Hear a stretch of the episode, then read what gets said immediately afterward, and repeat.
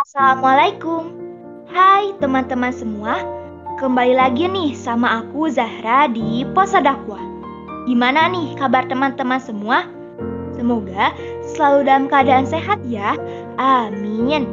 By the way, kalian punya gak sih seseorang atau artis atau tokoh ternama yang dijadiin role model? Harus punya dong ya. Masa gak punya? Parah banget sih kalau gak punya.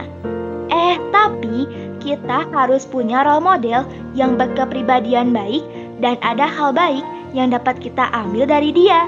Biar kita tahu bagaimana cara mereka meraih kesuksesan, seperti apa mereka menghadapi rintangan yang menghadang, bagaimana cara mereka memecahkan masalah yang ada, serta apa yang mereka lakukan agar bisa bangkit dari keterpurukan.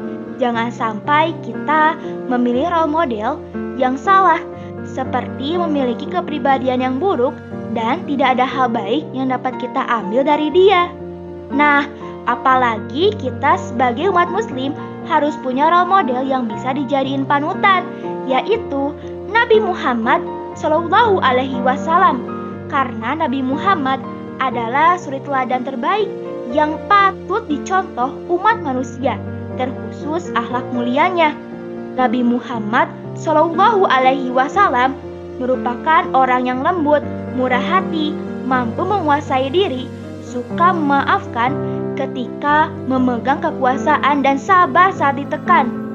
Dalam Quran Surat Al-Ahzab ayat 21 yang artinya sungguh telah ada pada diri Rasulullah itu suri teladan yang baik bagimu yaitu bagi orang yang mengharap rahmat Allah dan kedatangan hari kiamat dan yang banyak mengingat Allah.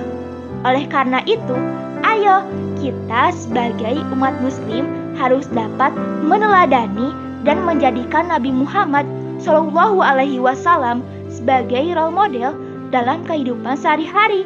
Oke, mungkin episode Posedakwa kali ini cuma sampai di sini aja ya. Insya Allah kita akan bertemu di episode selanjutnya dengan tema yang gak kalah menarik dari sebelumnya. Hehehe. Syukron, see you. Wassalamualaikum.